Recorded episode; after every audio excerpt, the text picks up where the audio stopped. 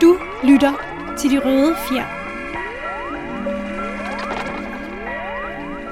Du lytter til De Røde Fjer med mig, Kalle Kylmand og Andreas Nørgaard endnu en gang på mikrofonerne. Velkommen til vores, øh, hvad skal vi kalde det, post post-episode. Ja. Det gjorde vi jo også, da vi lavede Valdemar-dag. Ja. Så jeg tænker lidt, at det var på, øh, på plads, at øh, vi tager simpelthen en ekstra episode til alle jer, som, øh, som er, lige så, er lige så ophidset som mig over samarbejdspolitikken øh, og besættelsen, og hvor vi lige prøver at gå ned i nogle forskellige ting. Mm. Nogle tanker, vi har gjort os i løbet af de sidste puha. Ni afsnit. Ja, og- ja, og over en måneds, øh, måneds episoder. Øh, Ja.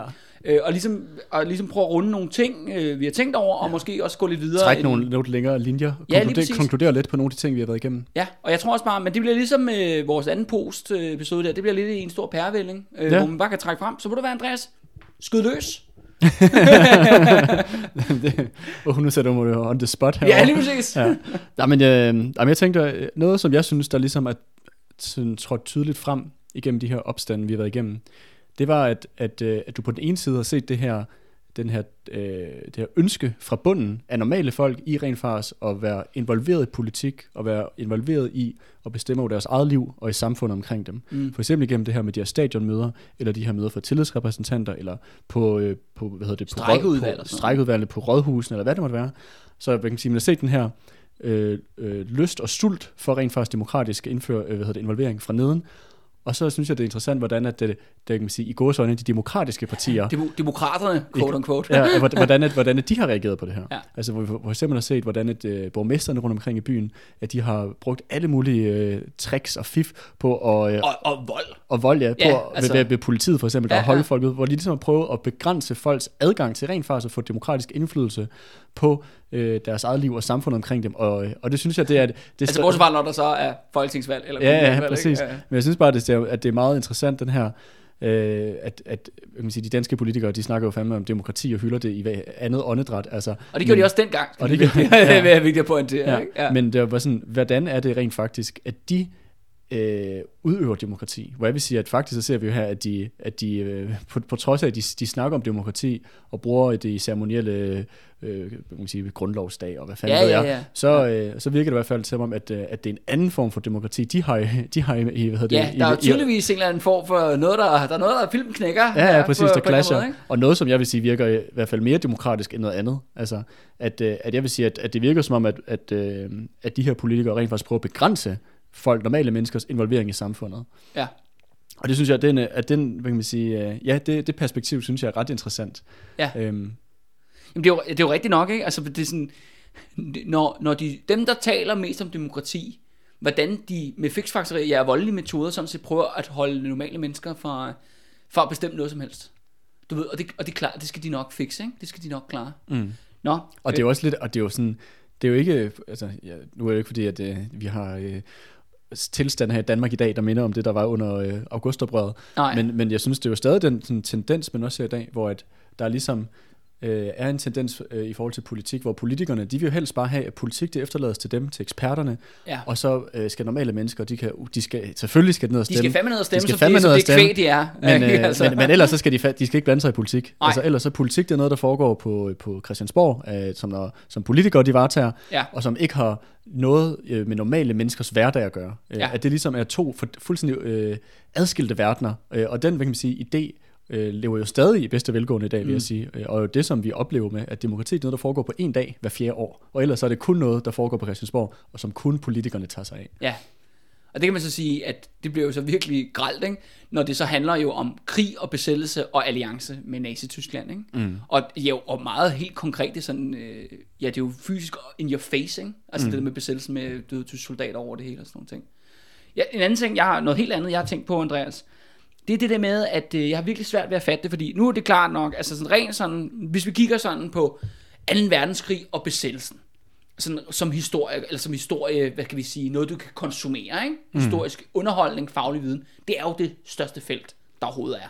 Der bliver Ja, ja. produceret vanvittigt meget podcast, der bliver produceret vanvittigt mange dokumentarer, der bliver produceret computerspil og, Og bøger. spillefilm. Ja, og spillefilm. Og ved, det stopper ja, aldrig. Altså der er der for eksempel nu ham her, øh, vores mand i USA, eller hvad Ja, hedder den er det? vores mand i. Amerika. Ja, ja, ja, Endnu, det- endnu, endnu en film. Den foregår så bare ikke i Danmark, den foregår i USA. Ja, ja, lige præcis. Men, øh, men ja, endnu en i Jeg har faktisk hørt, at det skulle være den første film, der var sådan en smule kritisk over for samarbejdspolitik. Men det er så, Ja, det er. jeg, jeg, har heller ikke- jeg, jeg har heller ikke set den, men jeg har hørt den. Jeg, jeg, jeg, jeg kunne godt tænke mig at se den. Ja, ja. øhm, men det er fordi, at jeg har virkelig svært ved at forstå, at når man, netop når vi snakker om samarbejdspolitikken, og for eksempel Werner Bests rolle, og tyske myndigheders rolle i Danmark, det er som om, at der bliver talt som om, at der er ligesom nazisterne i Danmark, og så er der så resten af nazisterne, altså Nazi-Tyskland. Det er som om, at der er nogen, når de netop snakker om samarbejdspolitik, og når konsensushistorikerne skal begynde at snakke om det her, formidle det her, det er som om, at du ved, Werner Best har ikke noget at gøre med Auschwitz. Mm. Han har kun noget at gøre med Danmark. Altså, jeg, jeg, har, jeg talt om det her det, i andre sammenhænge. Ja, Det er to forskellige øh, ja, folk. ja, ja, ja, hvor at man, man, kan ikke, man er ikke i stand til at forbinde de to, eller ligesom sige, jamen hør, det er jo den samme organisation, det er de samme mennesker, og Werner Best er jo så tydelig, fordi han er sådan, han har dræbt polske intellektuelle, han har dræbt jødiske, franske børn, du ved, mm. han er fucking nazist. Altså mm. som i stor... Med, Han kickstarter nazistpartiet efter 2. verdenskrig forbi ned Ja, Tyskland. ja, lige præcis. Han er, han er super committed, men det er som om, hvor at, når man ligesom skal, hvad hedder det, retfærdiggøre i moderne dansk historie frem, øh, øh, frem, fremstilling, så ligesom om, at der bliver sat en eller anden form, det er jo ikke fordi, det bliver talsat sådan, men jeg føler tit i hvert fald, at det er som om, de sætter en barriere op imellem, når, hvad tyskerne laver i Danmark, som jo egentlig er meget fornuftigt, så længe vi er samarbejdspolitikken. Og så ligesom efter 29. august, jamen, oh, så kommer der noget tysk terror, og folk bliver skudt, og det er også noget fy-fy, py-py, ikke? Mm-hmm. Men det er også det der med, hvad er Werner Bestes skæbne jo? Det er jo det med, at han blev reddet for dødsstraffen af Erik Scavenius og de danske myndigheder. Mm. Hvilket er jo fuldstændig forbryderisk, mm. det, at det foregik sådan en masse mord som ham. Det er også bare interessant, hvor, hvor der er, du ved, der bliver lavet så mange dokumentarer om holocaust. Du ved, og alt muligt andet. Du ved, du skal huske holocaust, 6 millioner jøder bliver gasset.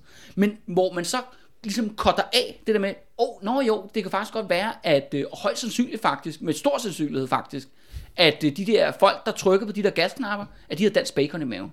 Mm. Du ved, man cutter ligesom... man Danmarks forbindelse til det. Man cutter forbindelsen, der bliver aldrig sagt, man tænker ligesom aldrig tanken til enden. Og Jeg vælger så, det er noget, man vælger stille tingene at gøre. Ja. Hvorfor det ikke bliver talesat, at det er jo klart, at Danmark er selvfølgelig et lille land, men Danmark har også en betydning i den større krigsøkonomi. Mm. Det har, altså, når man sender, når man bare kaster bacon efter øh, tyskerne, så har det jo en effekt, ikke? Når du propper noget ind, så kommer der også, også et output mm. et eller andet sted i systemet. Mm. Og det interessante så er outputtet, lige i tilfælde med 2. verdenskrig og Næst-Tyskland, jamen det er jo, at folk der bliver dræbt. Ja, det er folkemord på Det er masseskala. ja, det er med folkemord på masseskala. Og den, kom, og den øh, hvad hedder det, ligning bliver bare taget ud hele tiden. Mm. Det er sådan en ting, jeg, som du nok kan mærke, at jeg er stadigvæk ophidset ja. over det. Og nok Der er, også, der er også god grund til at være ophidset ja, over det. ja, ja, det må man Det er, sige. det er det forrygt. Altså. Ja. Men jeg synes også, det, at det kommer også lidt tilbage til den her sådan, ting, som, jeg, som du vil nok kalde sådan kampen om historien. Ja. Altså det her med, hvordan vi ligesom bliver fortalt vores, vores historie, øh, hvor jeg også, for mig at se, altså, synes det, det virker mere og mere tydeligt, at vi bliver jo lovet for. Ja, ja. altså, hvordan, altså den rolle, som, som, som Danmark har spillet i 2. verdenskrig, eller for for at sige det på den rolle, som politikerne og systemet og etablissementet har spillet i 2. Ja. verdenskrig. Øhm, hvor for mig at se, at det virker jo til, at alle de her politikere og folk for erhvervslivet, altså jeg tænker sådan som Gunnar Larsen, eller Ja. øh, hvad det nu Han måtte er være. også et meget gralt eksempel. Han er jo et rigtig godt eksempel, men hvordan at, at det virker som om, at, at hele den danske elite har jo taget den danske befolkning som gisler i deres eget personlige øh, hvad kan man sige, øh, projekt om, Ja. ja. om deres, øh, pu- øh, deres At de skal prestige. indrette sig i, i Nøje-Europa under Ja, ja, præcis. Og, at, øh, og ligesom vi også har snakket om det der med, hvordan at, øh, at folks arbejdsforhold blev smadret til ukendelighed, Ja. ja. hvor, hvor at de, de borgerlige partier går med ind i, i den her samarbejdsregering.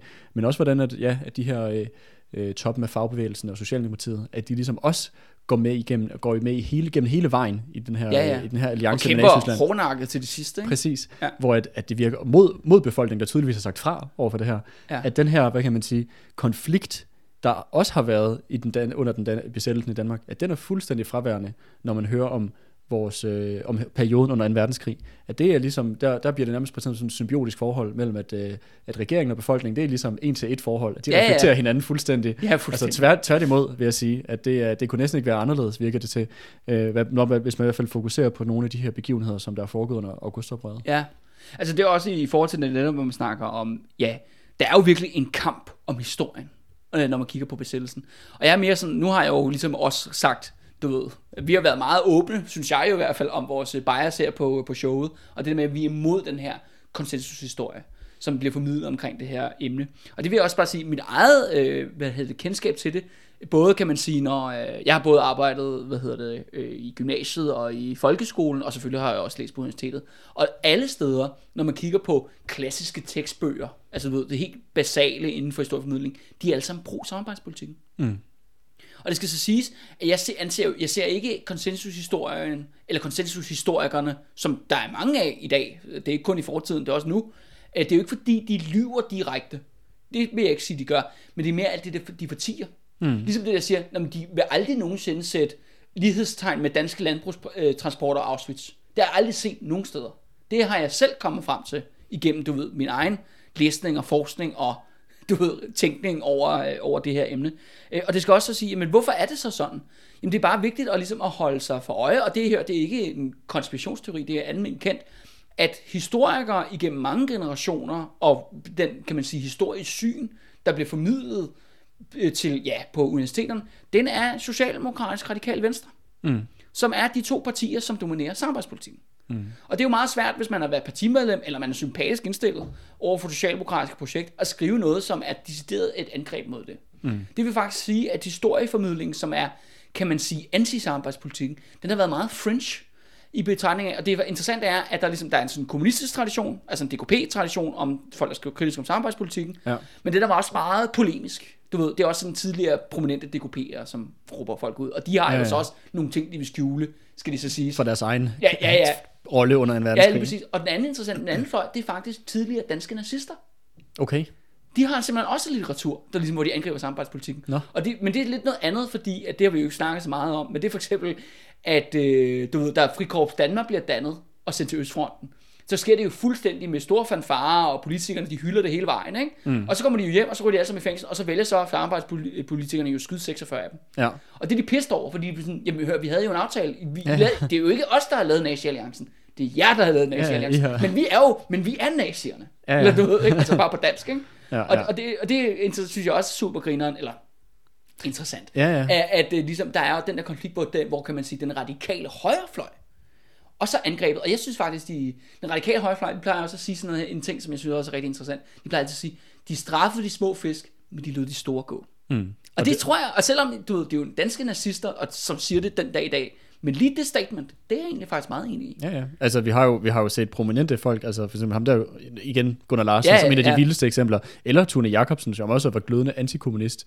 og man var nazist, det ved jeg så ikke. Men Nej, altså, det er måske lidt for langt men, gå, ikke? Men, men tydeligvis har han jo for overgivet bare kommunister en, en masse til, til, til en skæbne i øh, koncentrationslejre. Men det er som Gunnar Larsen der jo, altså han, han finansierede den der, øh, det der tage Ja, ja, Dansk, Dansk Folkeparti der. Ja, det er ja. præcis. Altså, hvor, altså, hvor fanden var hans øh, straf henne? ja, lige, lige præcis. Ikke? Men ja, og det er jo ikke fordi, det påvirker Eiffel Schmidt. Eiffel Schmidt lever i bedste velgående i dag jo. Ja, ja. Altså, og, og man kunne sagtens også gå ind på, hvad hedder det, Mærsk-koncernen og alle mulige ja, ja. Var det ikke noget med for eksempel Mærsk's... Øh, Mærsk, De lavede våben til tyskerne jo. Ja, og var det ikke noget med Mærsk McKinneys, øh, hvad hedder det, hans, hans søster var, var forlovet med en... Øh, jo, men en SS-officer. Ja, altså var det jo sådan... Ja, det, så, blev, så, så blev skudt ned over Stalingrad i, øh, i starten af ja, 43. Så. Men, men stadig, hvor man sige, den familie ja. har jo tydeligvis også haft meget, meget klare bånd til, ja. øh, til Nazi-Tyskland. Jo, jo, jo, og, og, de, og de er jo ikke det eneste eksempel. Nej, nej. Langt fra. Men det, men det er også det der med, ja, og det er derfor, kan man sige, det er også derfor, jeg rigtig gerne vil lave den her serie. For ligesom at bare proppe et eller andet derud, du ved, ud i æderen, om man så må sige, som ikke var det samme historiesyn, som du kan opleve omkring den her forsvarning. Og det er også det med, der er jo generelt den her opfattelse, jamen hør her, 9. april 1940 det skete, det var en tragedie, men danskerne gik sammen og skånede Danmark, og så sang vi fællessang i tre år. Mm. Og så lige pludselig en dag, så bankede tyskerne på døren og siger, nu skal I henrette folk. Og så sagde de, nej, nej, nej, nej, nej. det kan vi ikke klare. Nej, vi har været forhandler, forhandlingsmodstandere hele vejen igennem. Og så var der sådan en kæmpe modstand. Men, du ved, men det, er også, det synes jeg også har været meget tid. Jeg synes, det, hvis det ikke er krystalklart for lytterne, at det der med, hvor politikerne står i forhold til befolkningen, og i forhold til modstandsbevægelsen, og så ifølge deres forhold til tyskerne. Altså det der med, at de, de gjorde det ikke, altså de gjorde det, de var primært inde i det for dem selv. Ja, altså samarbejdsregeringen. Ja, ja, og deres organisationer og partier. Hmm. De troede jo basalt set, at tyskerne ville vinde krig i starten af krigen. Og så prøvede de at holde den gående så længe som muligt. Og det der med, at de aktivt bekæmper modstandsbevægelsen. Det er jo først, du ved, i fucking april 1945, mm. at de faktisk accepterer modstandsbevægelsen. mm. øh, til aller, aller sidst. Men Mm. det er jo lidt en anden ud over vores, øh, vores program her. Mm. Jeg tænkte, jeg tænkte også lidt på noget, apropos modstandsbevægelsen. Ja. Jeg tænkte på det her med, at, at jeg synes også, man ser en meget en tendens til i Danmark, at du har en meget unuanceret øh, portrættering af modstandsbevægelsen, i hvert fald sådan populærkultur, Ja. øh, i forhold til film og andet. At, øh, at tydeligvis så øh, modstandsbevægelsen er jo ikke kun kan man sige, der er jo ikke kun positive historier at fortælle. Nu har vi fokuseret på det her med tyskerpigerne for eksempel, ja. som jo nok er det mørkeste eksempel for modstandsbevægelsen, vi har haft her. Og så kan man sige, kontra, så har vi jo så noget, no, nogle af de, deres bedste sider, som er jo det her, hvor de, prøvede, hvor de, hvor de faktisk hjalp øh, 7.000 jøder med at, at, at flygte til Sverige. Ja. Øhm, men hvor det her, der er som om, at vi må også have en, hvis vi rent faktisk kunne have en, en ærlig diskussion omkring øh, besættelsen og krigen, og, og modstandsbevægelsen, så skal man heller ikke lægge skjul på de mindre pæne sider Ja. af, modstandsbevægelsen har rendt rundt og lavet. Øh, tænker, at Men jeg vil dog argumentere for, at hvor man, nu kan man sige, det er lidt en ældre debat, som det er jo egentlig faktisk noget, der begyndte måske endda for 20 år siden. Men det var i forhold til det her med stikkerlikvideringer. Øh, folk, der blev skudt af modstandsbevægelsen under krigen, og der er også, at der har været kriminelle, der er gået ind i modstandsbevægelsen og ligesom brugt det som undskyldning til at mm. dræbe og berøve folk. Og, sådan og det har der været ret meget øh, fokus på. Der har også været lidt på tyskerpigerne, ikke nok, synes jeg. Men hvor man var øh, det skal så siges jo, at lige så snart befrielsen skete, så der gik jo kraften med to måneder eller sådan noget, så øh, vendte samarbejdspolitik om, og så sagde, at modstandsbevægelsen, de er jo alle sammen mordere. Du ved, ikke? Og terrorister, og du ved, og så videre, så videre, de kriminelle alle sammen, ikke? altså efter, hvornår siger Efter du det? befrielsen. var? Ja, okay, shit. Ja, for ligesom at, du ved, at svine dem til, ikke? Og, og, og, hvor, at, kan man sige, der har været flere gange været negativt, altså kastet kritiske briller på modstandsbevægelsens rolle, og det synes vi, altså, det synes vi jo også er acceptabelt. Men jeg vil bare sige, hvor fuck er det syn på politikerne, mm. eller systemet? Også bare en, en ting, for eksempel. Du har jo nok bidt mærke i, Andreas, hvor meget fagbevægelsen har optrådt i vores serie her. Ja, ja, ja. Der er jo altså også nogle ting der, hovedaktørerne. Ja, ja. Hvor fanden er det henne, ikke? Ja, ja. Øh, og også igen, nu har de jo spillet meget, kan man sige, sekundær rolle. De har ligesom altid været i baggrunden. Men hvad med danske fødevarelobbyer? Ja, Ja, Venstre. Landbrugslobbyerne? Venstre? Ja, Ja, altså, ja. du ved, de der folk, der faktisk yder det, nazisterne allermest vil have mm. fra Danmark, ikke? Mm. Og som sidder og kasser ind i, i, hvad kan man sige, ja, bag kulisserne. Ja, lige præcis. Også ja. igen, vi kommer også lidt ind på det, hvor dårligt belyst egentlig Tysklands arbejderne øh, egentlig var. Mm. Altså det der med, at altså, fagbevægelsen tvang folk til at tage til Tyskland og arbejde i tysk krigsindustri. Ikke? Mm. Så, det, så igen, jo, jeg synes det er bestemt, man skal snakke om tysk jeg synes det er bestemt, man skal snakke om hvad sige, det moral, eller hvad sige, aspektet af stikkerlikvideringer, var det det rigtige at gøre, og så var det ikke det rigtige at gøre. Men det, det er bare ikke proportionelt. Ja, det, det blegner, det blegner i forhold til politikerne og fagbevægelsen. Ja, også fordi ja. det er jo politikerne, der er, mod, du ved, modstandsbevægelsen starter som en lille, en lille bitte øh, ekstremistisk ydergruppering, og så får de mere og mere rygstød. Men en anden ting, som også kan man sige interessant, er effekten af modstandskampen, altså den militære del kontra faktisk de her opstanden. Mm. Og det er også vigtigt at holde sig i mente her jo, at det er jo ikke den sidste, det er jo kun den første opstand Ja. under besættelsen i Danmark. Altså, jeg, vil ikke love, at øh, det er fordi, den, øh, du ved, der kommer en to lige om lidt. Men der kommer jo også en folkeopstand jo i, øh, i sommeren 44 i København jo. Mm. Som er dobbelt så blodig som Augustoprøret. Mm. Men som også har kæmpe stor effekt. For det der sker er, at modstandsbevægelsen, altså modstandsbevægelsens ledelse, der hedder Frihedsrådet, de kommer ligesom ind og tager, ligesom bliver lederskabet for den her bevægelse. Og det har en kæmpe effekt. Mm. Og så er der faktisk også endnu en, kan man sige, det er jo ikke så meget en opstand, som vi har set det i 43-44, men det er faktisk massiv strækkebevægelse og sådan optøj af uro øh, i sommeren 45, som, hvor tyskerne er ude af landet, som primært kun vendt mod politikerne. Mm. Altså, så du skal mere, det er vigtigt ligesom at se, ligesom man skal se Augustoprøret for, du ved, der er ligesom de vigtigste byer, det er jo Esbjerg, Odense og Aalborg. Så det er vigtigt at se, kan man sige, den danske besættelseshistorie faktisk som Augustoprøret, folkeopstanden og sådan en varme sommer 45. Mm. Du ved, tre er jo magisk tal, ikke? Ja. Yes. Men det, er- så det vil sige, at du har først augustoprøret, som jo blandt andet er vendt mod samarbejdsregeringen, eller Ja. hovedsageligt er blandt andet vendt mod sa- samarbejdsregeringen. Så har du, øh, hvad kan man sige, ja, hvad, kalder du den, folkeopstanden øh, Ja, folkeopstanden i, i 44. København. Ja. Er det, det er hovedsageligt tyskerne, det er vendt imod, eller hvem er det, det er? Jamen det interessante er, at det er faktisk primært vendt mod, mod tyskerne i København. Ja. Øh, men faktisk danske nazister faktisk. At Okay. Det er primært det, der ja. egentlig starter det. Ja. Men det interessante er, at sådan nogenlunde halvvejs igennem opstanden, der prøver politikerne, altså det gamle folketing, mm. at ligesom gå ud og tage kontrollen. Og så alle står bare og giver dem fingeren. Ja.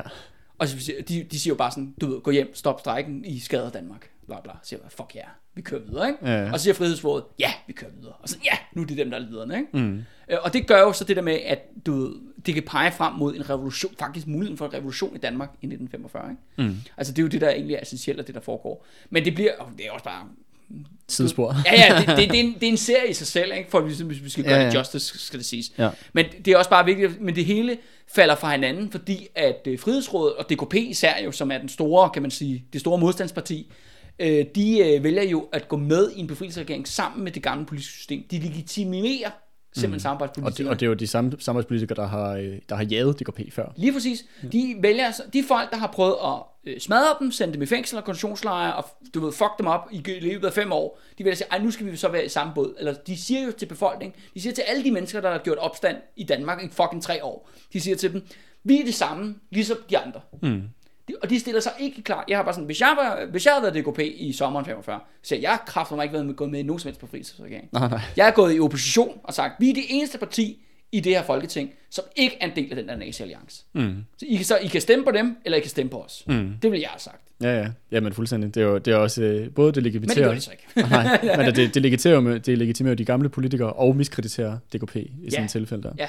Ja. Men jeg, jeg synes faktisk, det er lidt apropos det der med DKP, Ja. fordi jeg synes også, at, at det er jo også som om, at, at, øh, at ofte så bliver DKP jo også ligesom øh, ja, frem, portrætteret som sådan et revolutionært parti. Ja. Men jeg synes faktisk, at mange af de bevægelser, som vi, vi har set på, for eksempel, især, jeg vil sige især det her i Odense, Ja, det er nok det bedste eksempel, hvor de jo har, faktisk forråder den her strækkebevægelse. Ja, det synes jeg også er betydeligt, hvordan at DKP jo faktisk lige præcis ikke er en, en, en reelt revolutionær øh, organisation, og ikke spiller en revolutionær rolle i øh, augustoprøret, men at det tværtimod, der er det jo, ja, hvad kan man sige, de her normale folk, der kommer på de her stadionudvalg, det er, øh, hvad hedder det, Emil øh, Nissen op i Aalborg, det er, øh, hvad hedder det nu, han hed ham der i øh, Stormfeld i- Stormfeld i, i Odense, Odense, altså, ja. altså de her, det er jo de revolutionære, Ja, øhm, og ikke øh, de her DKP'er, som der sidder rundt omkring. Øhm, og det synes jeg også er, er, er værd at have med i forhold til, øh, når man, når man ser tilbage på de her begivenheder. og der er, ligesom, der, der er ligesom to ting i det. Øhm, det ene er jo, ja, det ene er, at øh, hvor paranoid politikerne egentlig er omkring en kommunistisk kup, ikke? Mm. Og en kommunistisk revolution faktisk. Som du egentlig kan se, og det bliver særligt faktisk udtalt mod krigens slutning, altså 1945. Og det har intet hold i virkeligheden. Og det vil jeg også sådan sige sådan rent med andet forskning og kildemateriale. Den der med, at de tror, at DKP vil lave et kup eller en revolution i Danmark, det har intet på sig i virkeligheden. Det har aldrig været DKP's plan. Det har aldrig været deres for. Tværtimod, det er jo derfor, de går med i befrielsesregeringen i 1945. De siger, vi skal bare have det danske demokrati tilbage. Mm. Vi, ved du hvad, vi har savnet hyggen. Lad os bringe hyggen tilbage. Ikke? Du ved, ikke? Det, det, det er deres platform, og det er jo derfor, at de vælger jo at gå sammen med de samme politikere, som har forfulgt dem i fem år. Ikke? Ja, ja. Det er jo det, der, det er jo det, altså, der er mange partier, der agerer grotesk, men DKP er sat med en af dem. Det skal mm. lige understreges her i hvert fald. Ja, ja, ja. Lige præcis. Øhm, og den anden var så, det var fordi du nævnte selv, ja, Andreas, med alt det der mening. Det var også en ting, som jeg virkelig har prøvet at gøre den her serie, det er fordi, det er jo, jeg har snakket om det mange gange i løbet af afsnit, men det er jo fordi, det er jo det er ufortalte Danmarks historie. Det er folk nede på bunden af samfundet, du ved, der kommer og popper op. Folk, som ikke er politikere, eller borgmester, eller ledende modstandsfolk, eller hvad fanden de nu er, ikke? Mm. Det, er, du ved, det er folk, der kommer ind og ligesom bliver de spontane ledere af en spontan bevægelse i et oprør. Mm. Altså, jeg synes, det er dybt fascinerende, at de ligesom, du ved, de kommer ind og får deres fem minutter af Danmarks historie, ikke? Mm. Og, der, er- og det er også en anden ting, det der med, at når vi netop snakker om formidlingen, altså på alle mulige måder, om Danmark og besættelsen, hvor, fand, hvor var der ikke nogen film om det her? Ja, ja. Du ved, det er de, det er de største begivenheder, der sker i Danmark. og det, er, når, det er, når arbejderklassen den rejser sig ja. i forskellige... Og i stedet for, så får vi- i 43, i København i, i 44, ikke? Ja. Og bare sådan, nej, ved du hvad, vi skal sgu da have noget om nogle overklasse løg, der render rundt og drikker drinks og skyder folk i hovedet, ikke? Det er jo Ja. ja. det, der Flamme og Citronenfilm, det er jo basalt set er. Ja, ja. Men det er fuldstændig mispræsenteret. Mm. Det er jo ikke, det, det er ikke dem, der forandrer besættelsen. Det er ikke mm. dem, der har en større impact Ja. på, på Danmarks rolle i 2. verdenskrig. Det er normale mennesker. Mm. Og, det, og, det, og det er også bare at sige, fordi det, øh, det, det, det, nu har vi også lige, vores sidste serie handler om middelalder, hvor det nærmest er praktisk umuligt at vide noget om normale mennesker, hvad de tænker, ikke? Og her i under krigen er det meget, meget svært, men vi kan lige, vi kan lige se en fli, ikke? Mm. Vi kan lige åbne låget en lille bitte smule, ikke? Ligesom det der brev der, for ham, Ja, der, ja, ja, ja. for ham der for den der øh, fabrik, eller ved, ved arbejdsplads i København. Ja, ja. Men jeg synes, apropos det, at du nævnte det der med, hvordan at det er, at det er jo normale danskere, så at sige, normale arbejdende folk, som, Ja. der, som der virkelig, øh, ja, øh, faktisk er den, er den revolutionære kraft i den her, i den her bevægelse. At jeg synes også, at, det, øh, at der er måske også en, en grund til, at vi ikke får det fortalt, i forhold til Mm. det billede, vi også har malet af os selv som folk. Ja, især hvis du bare skal stemme hver fjerde år, ikke? Og ja, ja. Pænt, ikke? Men også det her med sådan, at, at, øh, at, at vi ligesom også får at vide, at danskerne, vi er ligesom sådan et, vi er, vi er et folk, hvor der er ikke nogen konflikter, og vi er øh, utrolig, hvad kan man sige, vel, velopdraget, og Mm. revolutioner, det er noget, der foregår i andre lande Ja, sydpå. nede, nede i uhatte der, ikke? Ja, ja, præcis. Jamen, vi har altid været her, der samarbejder vi og kompromiser og Ja, det ene og det ja, ja. andet. Altså, at vi er et meget, øh, meget pænt folk på den måde. Men hvor jeg vil sige, at sådan noget som Augustobrødret, det, viser, det beviser jo det fuldstændig modsatte. At tværtimod, jamen, så har den danske befolkning har også øh, hvad man sige, vist i praksis, at vi også kan, kan man sige, øh, vælte politibiler og, og lave generalstrækker og gøre oprør på masseskala Ja, ja. imod, øh, imod nogle, en, en elite, som vi mener Både, med, Både mod, er mod, fuldstændig mod alt, hvad der minder om myndigheder og, og orden. Præcis, Og, præcis. At vi er ikke bare de her tamme får, som vi Ja. ellers øh, bliver præsenteret, som vi ellers får, får fortalt, at vi egentlig mere eller mindre er. Ja. Altså artige, øh, artige får, der, der, der gør, hvad der bliver sagt. Altså. Ja. Øh, en ting, og jeg også, øh, fordi det er jo overhovedet heller ikke snakket om, men det er bare vigtigt ligesom at understrege, fordi nu har vi virkelig skudt med skarpt på Socialdemokratiet hele vejen igennem. Jeg vil bare lige pointere, fordi nu kan man så sige, at han er selvfølgelig død jo i august 43, øh, men meget af grunden til, at Socialdemokratiet agerer på den her måde, de gør, altså for det første, øh, indgår samarbejds på, øh, altså indgår i, i alliancen, NATO-alliancen med Nazi-Tyskland, og det andet element er, hvor, hvordan at apparatet er meget enig, altså du ved, toppen er, de kæmper sammen om at bekæmpe det. Det er primært ens persons skyld, og det er jo Torvald Stavning, Hmm. landsfader. Ja, vi skal lige sige, hvor er han? han er han død på det? ja, han, død er på jo, det han, dør, han dør jo i foråret 1942, Hmm.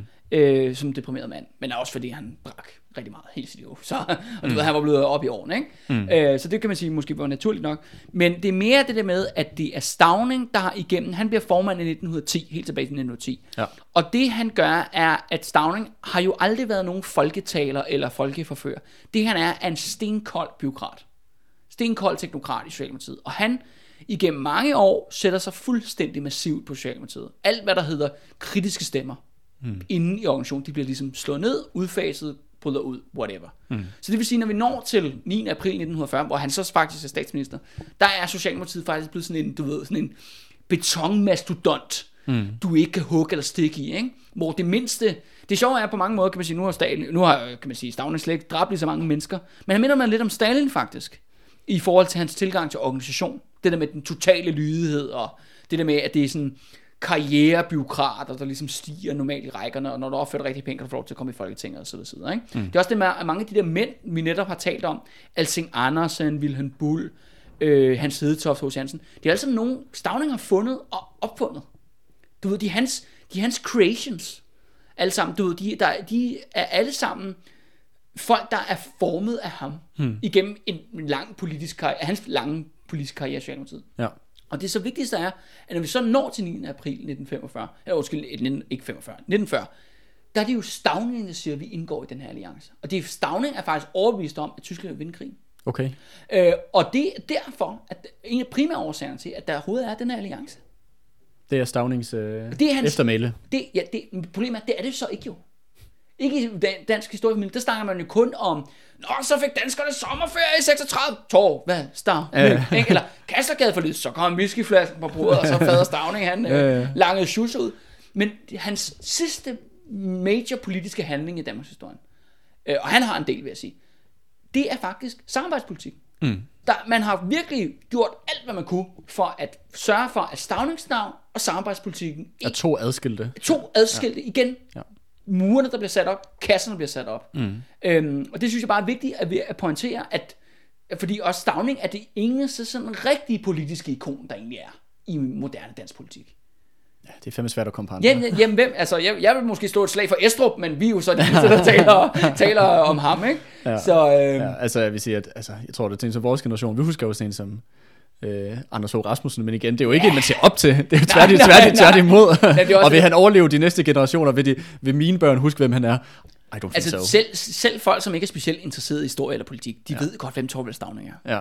Ja, Altså, det, det er jo ligesom, det har skoleundervisning sørget for, ja, at de ved, ikke? Alle skriver skolebøger med stavning eller kaos Ja. og plakater. Men det er bare hele. virkelig vigtigt at sige, at det her, det er Stavlings creation. Det er mm. hans sidste gave til Danmark. Mm. Det er fucking samarbejdspolitik. Tak for det, Torvald. øh, og jeg vil også bare lige pointere faktisk, at det interessante er, at øh, da han dør der i foråret 1942, han dør faktisk øh, som en deprimeret mand jo. Fordi, som han siger jo på sit dødsleje, jeg har jo smadret min egen organisation. Og det er jo helt tilbage i tråd med det, vi startede med at snakke om, det der med, at det Socialdemokratiet jo egentlig har gang i, er jo sådan suicide. Mm. At det er et selvmord, det er gang i. Ved at hjælpe Nazi-Tyskland så meget som muligt. Hvis Nazi-Tyskland vandt krigen, jamen så var det danske Socialdemokratiet gå til grunden. Og det interessante er, den eneste, der indser det i toppen af Socialdemokratiet, det er Torvald Stavne på sit dødsleje. Mm. Det er det eneste kilde, jeg i hvert fald har set, ja, det- hvor en prominent socialdemokrat siger, holy fuck, Hvad har vi gjort? hvad, har vi- hvad, hvad, hvad har vi gjort? Ja. Og så dør han. Okay, og, så, sige, og så er han jo sådan set fri. Ja, så er han jo ligesom ude. Ikke? Ja, ja. Og alle de andre, de her vikarer, der kommer ind jo, de holder jo bare prøver ligesom at holde fast i hans legacy, ikke? Mm. og fortsætte det. Ikke? Ja, det er meget ironisk. Det er sige. meget ironisk. Ja. Ja. og det vi synes jeg også er et værd at bide mængde i. Mm. Ja. Hvad man du siger? Øh, har du mere, Andreas? Øh, ikke lige her nu på falderæbet. Nej, men så øh, skal det være, at vi skal til at runde af. Øh, Ja. også, for den her, også for den her gang. Jeg skulle sige, det har jo faktisk været, øh, altså for de røde fire, vores øh, podcast her projekt, det har det jo faktisk været helt vildt med den her serie, oprøret. Altså vi er jo faktisk, at da vi, øh, lige da vi startede med det, der krydsede vi jo det her 3.000 lyttere. Og nu er der gået ja, 28 dage, 29 dage her, hvor vi nu optager nu igen her vores øh, sidste to episoder her. Øh, og nu er der 4.000 lyttere. Mm. Øh, og øh, ret interessant er der rigtig mange, der er kommet ind for øh, Podimo, den her øh, ja, app-platform, øh, hvor man kan lytte til øh, podcast på. Så jeg vil bare sige rigtig velkommen til alle, til alle jer, øh, fordi det er ingen gruppe, der har været med øh, så længe. Mm-hmm. Øh, men fedt, I kunne komme.